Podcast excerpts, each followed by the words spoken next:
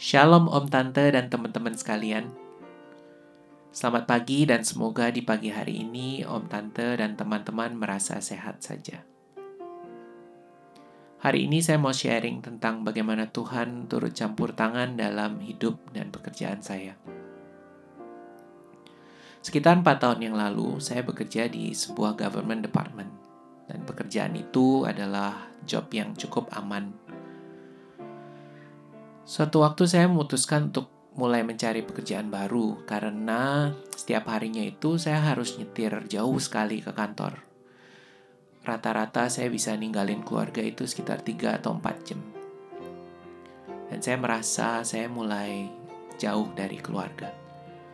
Saya menemukan suatu pekerjaan yang lebih dekat dengan rumah, tapi pekerjaan ini bidangnya sangat beda sekali dengan apa yang sudah saya tekuni selama 10 tahun jadi saya cukup merasa takut.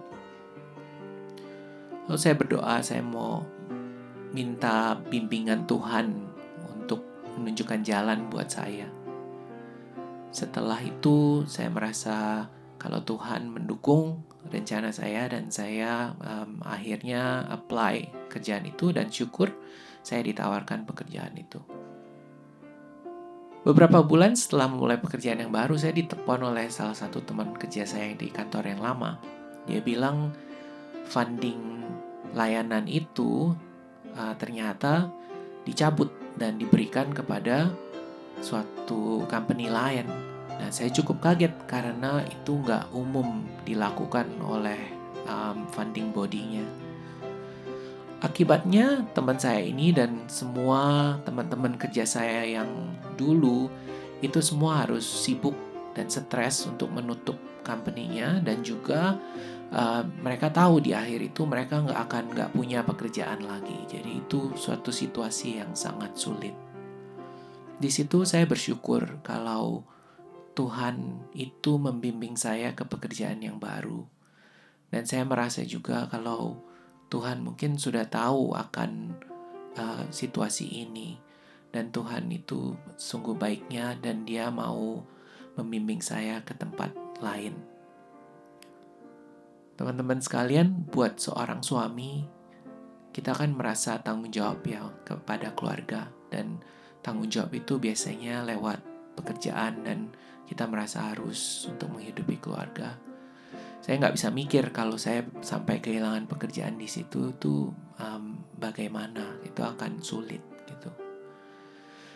Tapi syukur um, Tuhan membawa um, saya dan keluarga saya um, ke tempat yang lebih baik.